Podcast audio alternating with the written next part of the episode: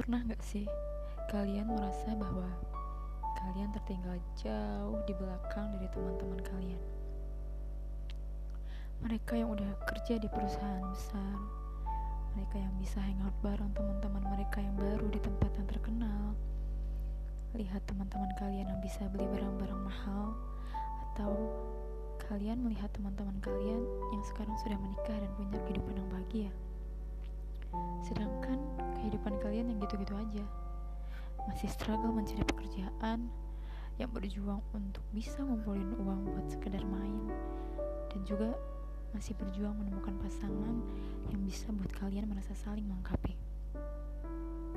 It's okay, jangan bandingkan hidup kamu dengan mereka. Hidup bukan tentang bagaimana kalian bisa cepat meraih apa yang kalian mau kita memang gak bisa pungkiri bahwa hidup isinya sekelumit rasa capek. Menurut saya, hidup itu sebenarnya tentang bagaimana kita memaknai setiap perjalanan dalam hidup kita untuk mencapai garis finish.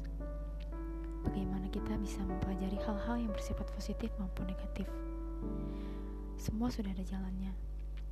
Garis finish kalian berbeda. Percepatan orang menuju garis finishnya berbeda-beda. Siapa yang paling cepat dalam mencapai garis finish. Kalaupun garis finish kalian belum tampak, gak apa-apa. Seenggaknya, kalian jadi manusia yang lebih kuat dalam menghadapi bantingan kehidupan yang akan datang nantinya karena sudah melewati banyak hal.